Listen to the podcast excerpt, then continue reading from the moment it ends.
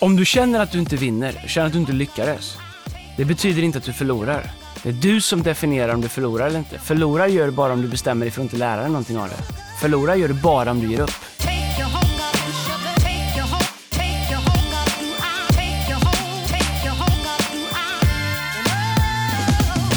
Välkomna hit till äh, ännu ett avsnitt av, äh, vad, kall- vad kallar vi den här podden igen? Fearless Leadership. Fearless Leadership kallar vi. Avsnitt åtta. Är det? Vad har vi på åtta? Här på åtta har vi Vi är inne Ovechkin. Ja, nummer åtta. vi. vi har också Janne Viktorsson, kommer du ihåg han i Djurgården? Janne Viktor. Frank de Boer tror jag hade nummer åtta i Ajax. va? Eller var det Ronald de Ja. Boer kanske? Uh, Ovechkin i alla fall. Han har åtta. Det är Ja. bra. Ehm, idag ska vi prata om något som vi kallar Take the win. Take the win. Jag tycker att vi är lite defensiva i den här podden ibland. Mm. Ska vi vara lite spetsigare Ja. eller? Kom. Alltså vi är ju pastorer och man vill att alla ska ha med sig, men idén med den här podden är att vi ska få vara lite spetsigare än vi är i vanliga fall, så, vilket är bra. Kanske till och med provocerande. Um, vi älskar det, därför att det driver till utveckling, det får oss att tänka, det får oss att, och att eh, reflektera över saker och ting. Provokation är bra, när det kommer från en bra plats. Take the win. Jag såg ett, eh, en serie för länge sedan, handlade om några MMA-fighters. Det var en som var regerande mästare, hade bältet. Nu skulle han gå en match. var fullt av sponsorer där. Och han behövde göra en bra match. Alltså han behövde dominera sin match. För att sponsorerna skulle titta på honom. Han behövde fighta spektakulärt. Han behövde liksom put on a show.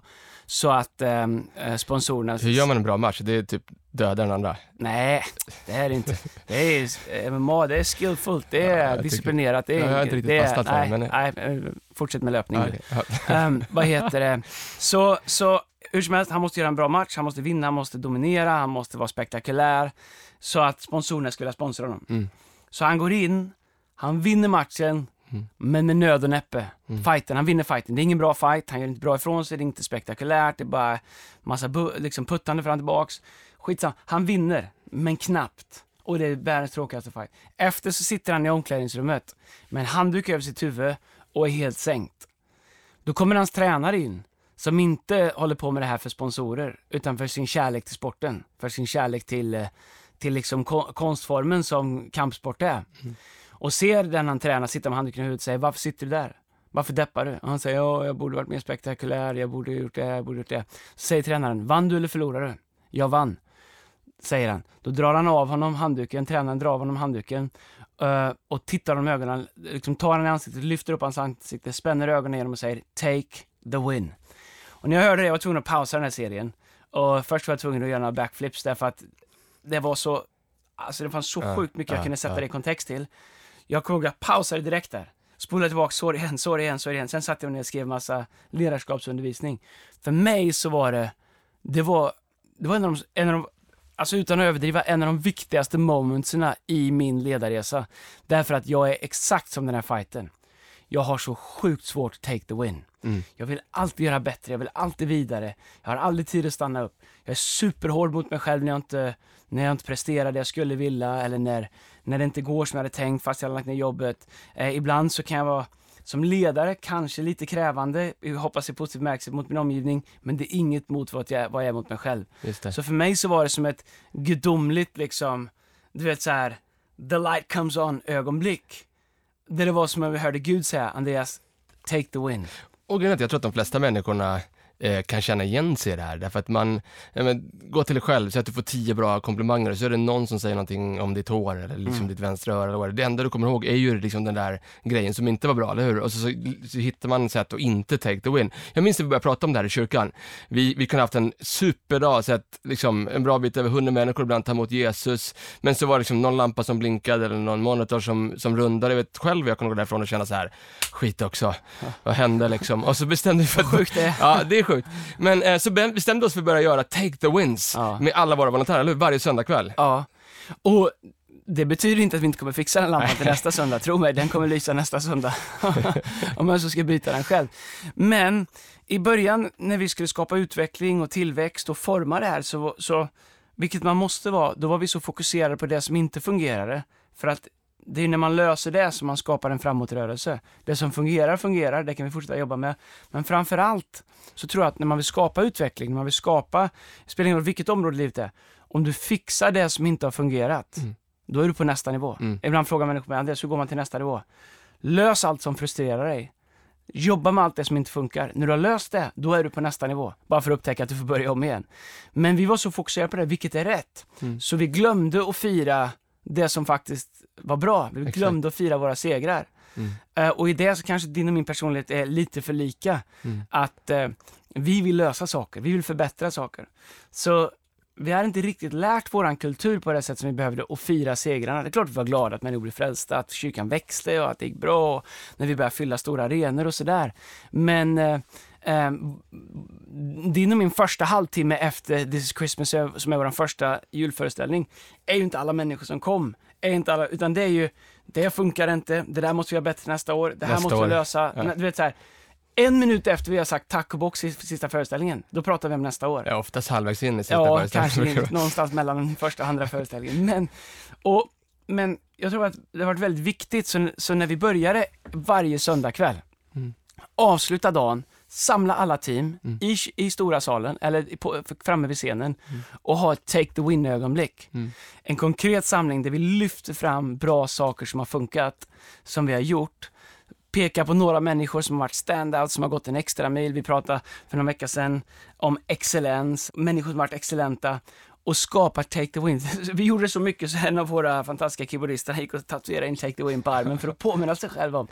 Och vet du, för mig så har det varit, eh, jag tror att det har hjälpt mig som ledare Mm. att kunna komma in i scenarion, i omständigheter där jag tidigare bara var frust- frustrerad och faktiskt bestämma mig för att först take the win och sen jobba med det som frustrerar oss. Men man kan ju inte alltid vinna. Jag Nej, tänker, fråga Alexander till exempel. Det, det kan de så länge. Men, men, hur, men hur, hur, eh, låt mig säga så här, hur vinner man även när man förlorar?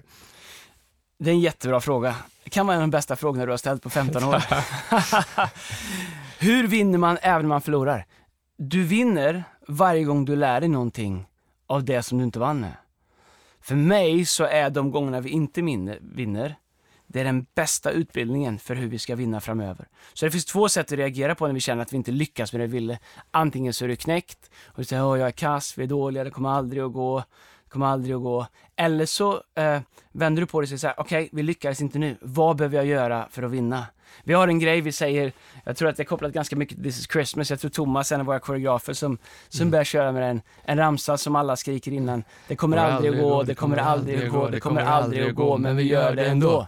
Eh, och, och jag gillar det. Mm. Det, det, eh, det kommer aldrig att gå, men vi gör det ändå. Och jag tror så här, du kan välja när du inte vinner och säga det kommer aldrig att gå. Mm. Det var ju det jag sa. En del människor säger när det inte går, det var ju det jag sa. Mm. Då har du ju bestämt dig innan att det inte kommer att gå, då är det inte konstigt att det inte gick. Men om du har gjort ditt bästa och du ändå känner att du inte vann, då har jag fått träna min, min hjärna till det här. Okej, vi vann inte nu, men vi kommer vinna nästa gång. Mm. Vad behöver jag göra för att vinna nästa gång det jag inte vann nu? Vad behöver jag jobba på? Vad behöver jag fixa? Isolera företeelserna, identifiera dem, attackera dem, lägg ner jobbet. Alltså jag blir som en målsökande robot. Eh, Jag får sånt tunnelseende. Därför att eh, ehm, vinna är ingen option. Vinna är det vi ska göra. Exakt. Eh, men jag tror att det är otroligt viktigt att våga spänna bågen så högt så att vi inte alltid når fram för att vi ska växa. Och eh, jag tror att eh, ma- om man inte gör några misstag eller om man inte misslyckas så är det bara ett tecken på att du, du, du, inte, du spänner inte bågen ordentligt. Vi misslyckas hela tiden. När vi inte gör det så är det bara ett tecken på att vi är för fega. Vi Bra. safear. Men jag vill prata mer om misslyckanden. Ja. Alltså, prata om det då, för att alltså, det är ju, man kan ju inte alltid vinna, man förlorar ibland. Men berätta, det finns ju vissa människor som, när man misslyckas så faller man bakåt. Jag vet att du pratade om det här eh, för någon månad sedan, eller ett par månader sedan. Eller, så, eller vissa människor faller framåt. Och du pratade om både Thomas och Petrus i Bibeln och liksom hur de hade olika takes till hur deras misslyckandet tog sig an. Ja, precis. Så här, om du känner att du inte vinner, känner att du inte lyckades, det betyder inte att du förlorar. Det är du som definierar om du förlorar eller inte. Förlorar gör du bara om du bestämmer dig för att inte lära dig någonting av Bra. det. Förlorar gör du bara om du ger upp. Det är enda sättet att förlora. Att misslyckas gör inte att du förlorar. Att misslyckas eller att inte nå upp till det vi försökte göra, det är inte att förlora. Förlora är när du säger, det var hans fel, det kommer aldrig att gå, var, jag är kass, eh, jag ger upp. Ursäkter, så fort vi blandar in ursäkter, då håller vi på att liksom dra upp vår egen cocktail av förlust. Men att misslyckas är den bästa läraren som finns. för framtiden. Så när vi misslyckas, eller när vi inte når upp till det vi vill, eller när vi inte når till trädtopparna som vi siktar mot, då kan vi välja om, och- eller vi kanske till och med faller i livet, och olika områden. Det vi kan välja är, faller jag framåt eller faller jag bakåt? Vilket, vad betyder det? Jo, faller jag framåt, lär mig någonting av det. Tar jag ägandeskap över de sakerna som gjorde att jag inte vann? När vi inte vinner i det vi gör, eller känner att vi inte når upp till det vi skulle vilja, jag är tuff mot mig själv. Ibland, ni som jobbar nära mig vet att jag, jag ställer krav på omgivningen, men det är inget emot de kraven jag ställer på Nej. mig själv. Varför? Därför att jag vill falla framåt när jag faller. Jag vill inte sätta mig ner i ett pity party och säga, ja det gick inte, den leveransen kom inte, det gick inte och den gjorde inte det. Om mitt team inte presterar, vem är deras ledare? Vem ska jag gå till? Ska jag gå och skälla på teamet eller ska jag gå och fråga mig själv, vad kunde jag ha gjort för att, vi, för att ge dem bättre förutsättningar, för att vi skulle varit bättre, för att vi skulle lyckas, vilka mer resurser, vilken mer clarity, vilken mer whatever.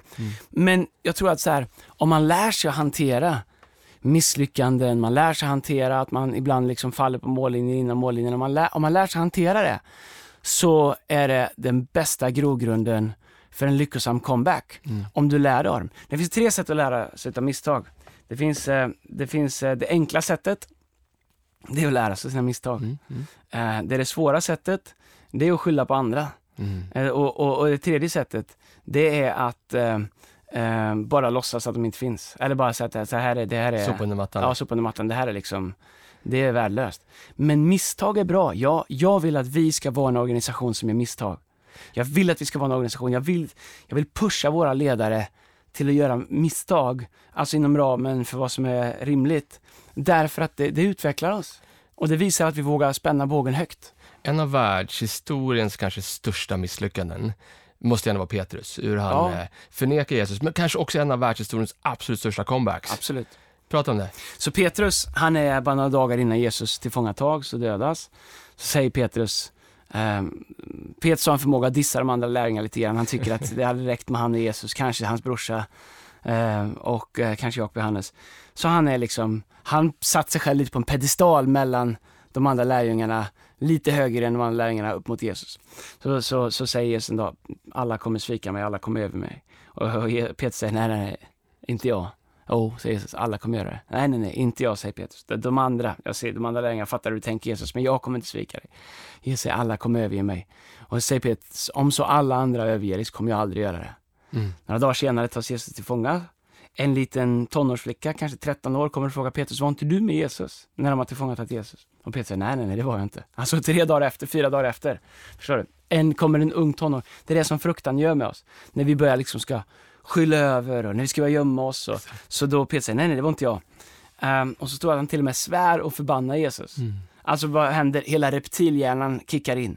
Hur kan jag göra ursäkter för mina misslyckanden? Hur kan jag skydda mig själv? Hur kan jag... När vi är misslyckanden, det första som händer är att vår reptilhjärna kickar in och vi börjar hitta ursäkter, vi börjar skapa saker och ting, vi börjar ljuga, vi börjar du vet, så här, peka, kasta skuld på andra, bryta mot våran standard, mot våra convictions. För att vi har så svårt att bara säga yes, jag borde gjort bättre, eller jag kan göra bättre.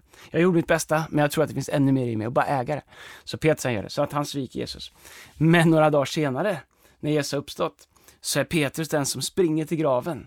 Eh, och eh, när Jesus har uppstått. Och Petrus är också den som Jesus använder på pingstdagen när, när han står upp och, och, och, berättar om att den Jesus som ni korsfäste, han var verkligen Guds son. Så samma människor som han var livrädd för innan, som gjorde att han svor och förbannade Jesus, står han nu inför frimodig. Han gör en comeback, han, han, har, han har vänt sitt misslyckande till, till uh, take the win, okej? Thomas, okej? Så kom ihåg, när Petrus fick höra att Jesus hade uppstått så sprang han till Jesus. Är det nyckeln tror du? Vadå? Är det nyckeln till, till hans comeback? Att han sprang till Ja. Jesus, ja. Lyssna på det här. När, när, när, Petrus eh, fick höra att Jesus hade uppstått så sprang han till Jesus. Thomas, som vi kallar tvivlaren, han sprang från Jesus. Mm, wow. Han var förtvivlad.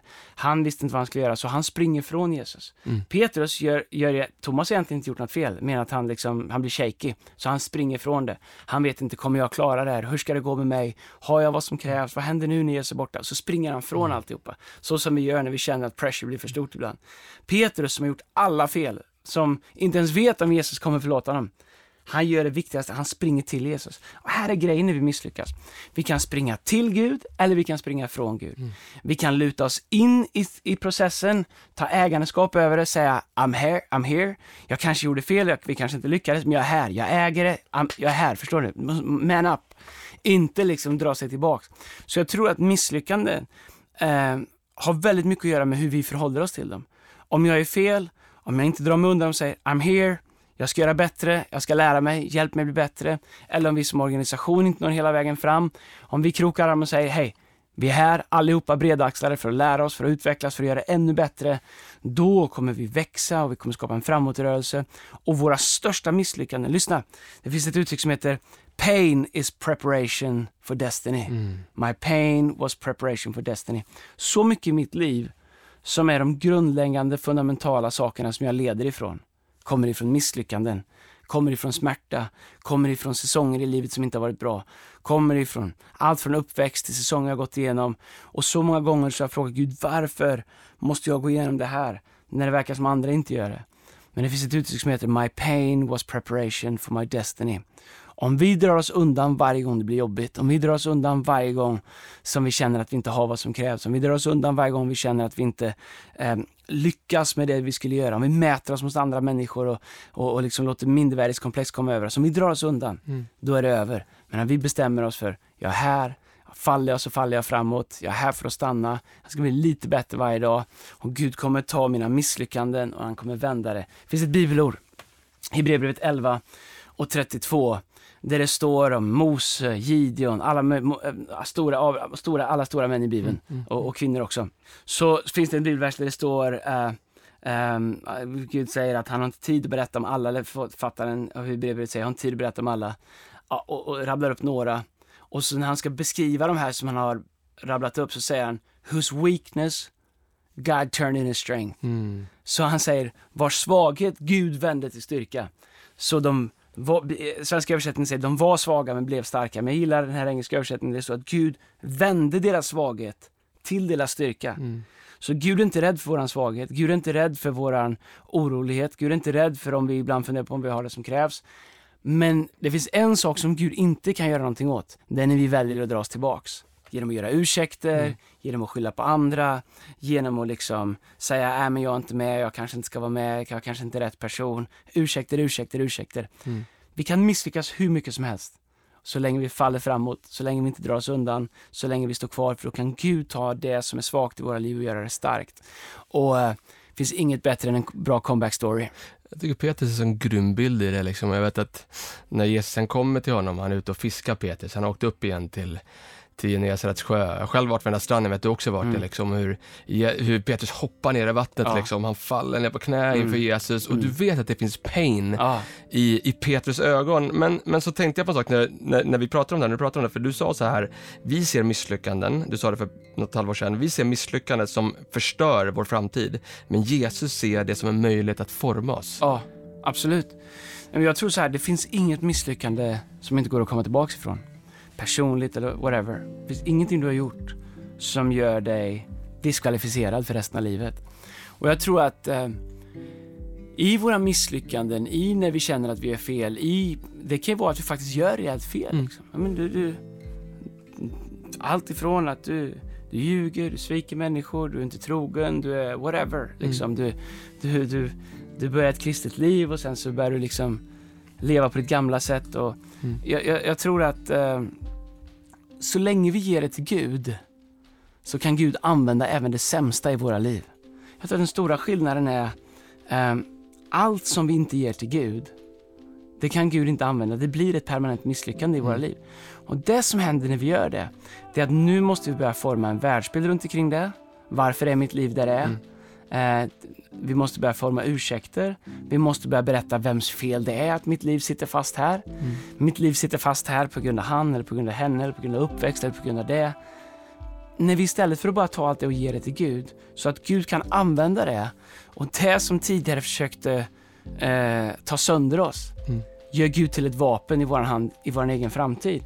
Så misslyckanden är bara permanenta om vi håller fast i dem. Men om vi ger dem till Gud så kan han använda dem för att forma våran framtid och han gör våra svagheter till våran styrka om vi ger dem till Gud. Så det går liksom inte att förlora. Vi kan alltid hitta reasons att vinna. Så vad, gör- vad gör man då? Liksom om man, eh, jag tänker kanske kan avsluta med det. Om man vill liksom utveckla liksom en vinnarmentalitet. Vi pratar ju om take the win, att man vill vinna. Vad har du gjort i ditt liv för att liksom hela tiden mata aptiten att, att vilja vinna? En jättebra fråga. Jag tror att nummer ett, du måste bjuda in ledarskap i ditt liv som faktiskt eh, vill få fram det bästa i dig. Ledare som jag har i mitt liv och har haft i mitt liv, det har inte alltid varit enkelt. Men jag hade aldrig varit den jag är eller där jag är om det inte hade varit för dem. Om du har en ledare i ditt liv som aldrig utmanar dig, som aldrig stretchar dig, som aldrig vågar ifrågasätta saker, som aldrig liksom ber dig göra mer än vad du tror är möjligt. Då har du inte en ledare som ser mer i dig än vad du ser i dig. Om jag har en ledare som bara ser i mig det jag ser i mig, ehm, då är det begränsat vad han kan göra. Men om jag har en ledare i mitt liv, ledarskap i mitt liv, mentor, pastor, teamledare, whatever, som ser mer i mig än vad jag ser i mig själv. Då när de ber mig göra saker och ting så gör de ju det utifrån vad de ser i mig. Om jag inte ser i mig själv, vilket vi har en förmåga att inte se allt det stora i oss själva, så tycker jag ju att de ber mig göra mer än vad som är rimligt, för jag ser ju bara utifrån vad jag ser i mig själv. Så vi måste fatta ett beslut att bjuda in människor i vårt liv som kan göra oss bättre, som kan stretcha oss, som kan göra oss större. Ehm, så jag tror att det är ett commitment till att vilja växa. Ett commitment till att bjuda in personer i våra liv, ledare i våra liv, som faktiskt kan göra oss större. Jag tycker det är superfrustrerande. Jag har haft människor i mitt liv som, och har människor i mitt liv som jag leder, eh, som jag bara älskar att leda. Därför att de vill alltid bli större. När jag ger dem utmaning så ser jag liksom på insidan hur liksom tävlingsinstinkten vaknar på insidan av dem, att de vill bli bättre, de vill bli större. Och när jag kanske är lite tuff mot dem ibland, så ser jag att de, okej, okay, just nu är de arga, men de kommer gå hem och göra om det här till bränsle i sitt liv. Till, till att liksom, och vi kommer få en framåtrörelse. Vi har också haft människor som jag investerat i som, som varje gång jag utmanar dem så får jag en ursäkt.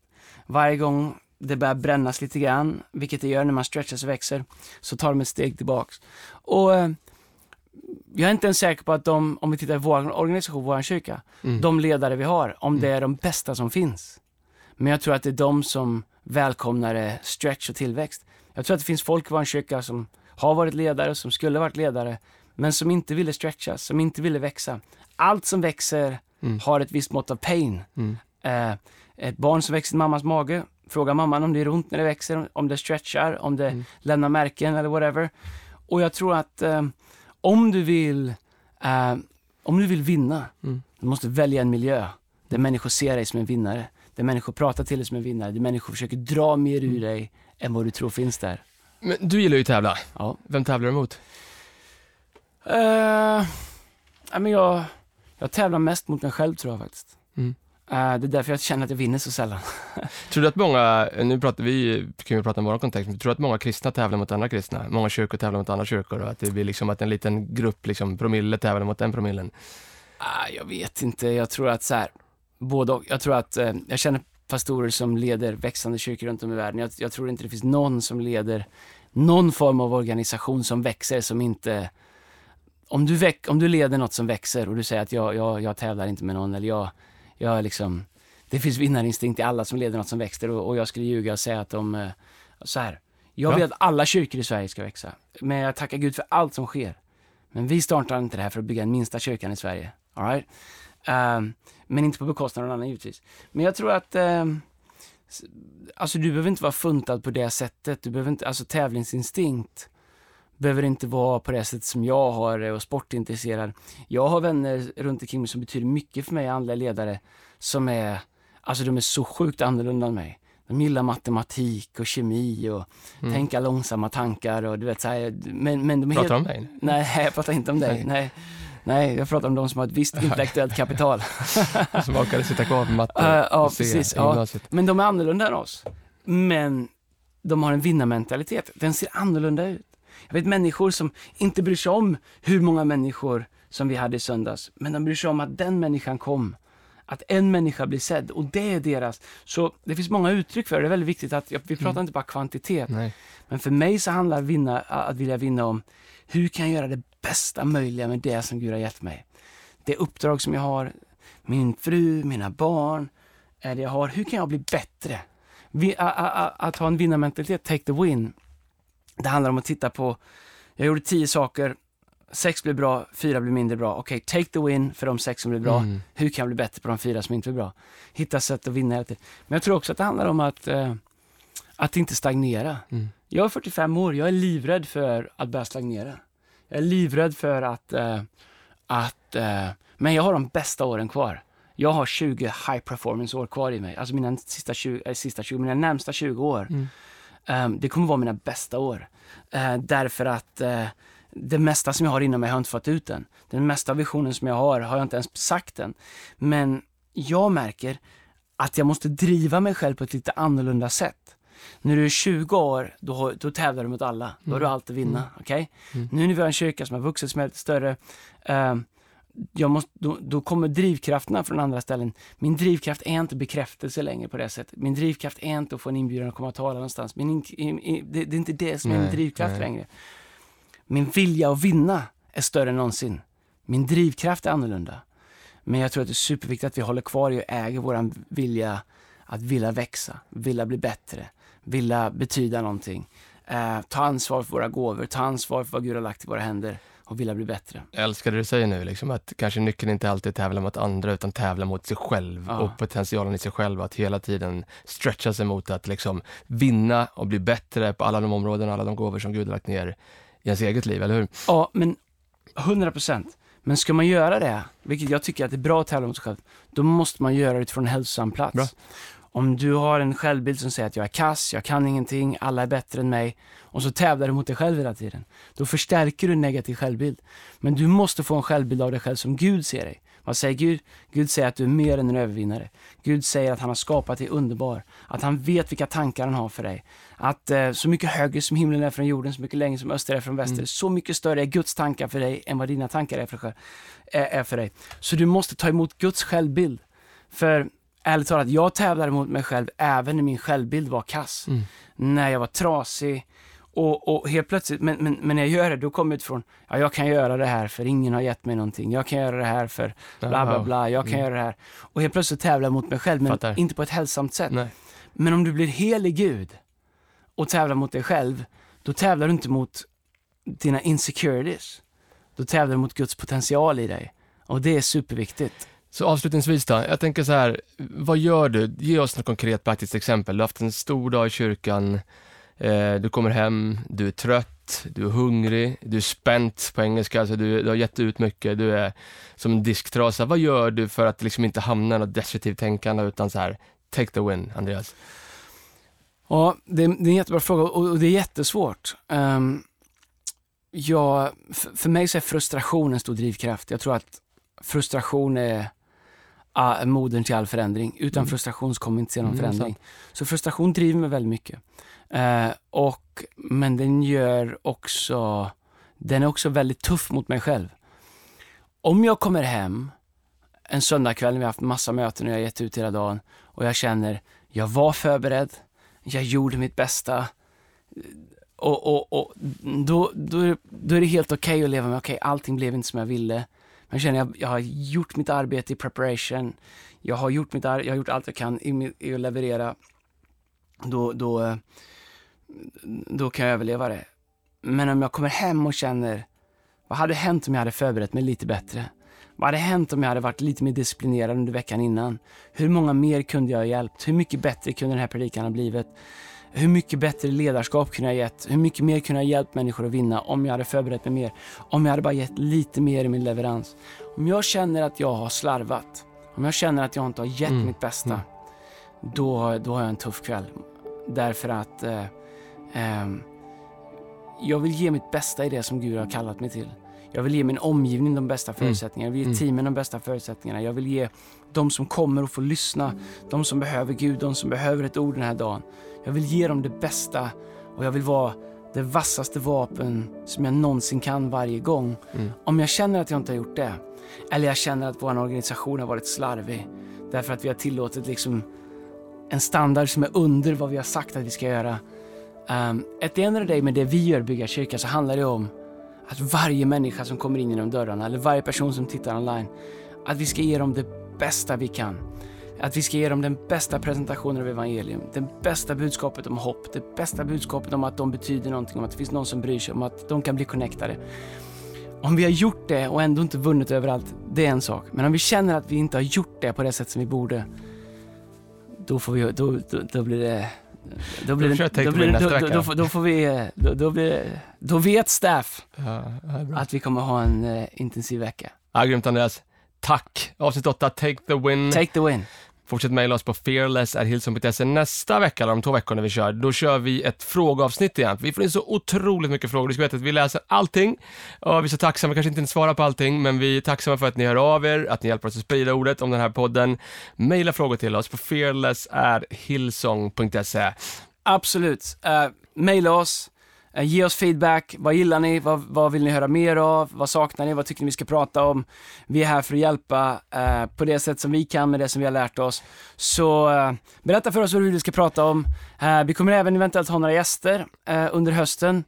Eh, hör, av, hör av er till oss och berätta vilka gäster ni skulle vilja att vi bjöd in. eh, Vilken är, vi pratar om Take the Win, vilken är den fetaste vinnarlåten? Ska vi avsluta den podden med en bra fet? fetaste vinnarlåten. Jag vet att klockan slår, klockan slår i Djurgården. Nej, nej, nej, nej, nej. Eh, nej, absolut inte. Det är ju Leksand tills jag dör. Alla kan... Är det Eye of the Tiger? Eye of Tiger, ja den är bra. Eh, Gammalt. We are the champions, Ja. my friend. All we do is win, win. Det. Okej, går hej då, ha en bra Ha det vecka! bra! Take the win! Du är grym.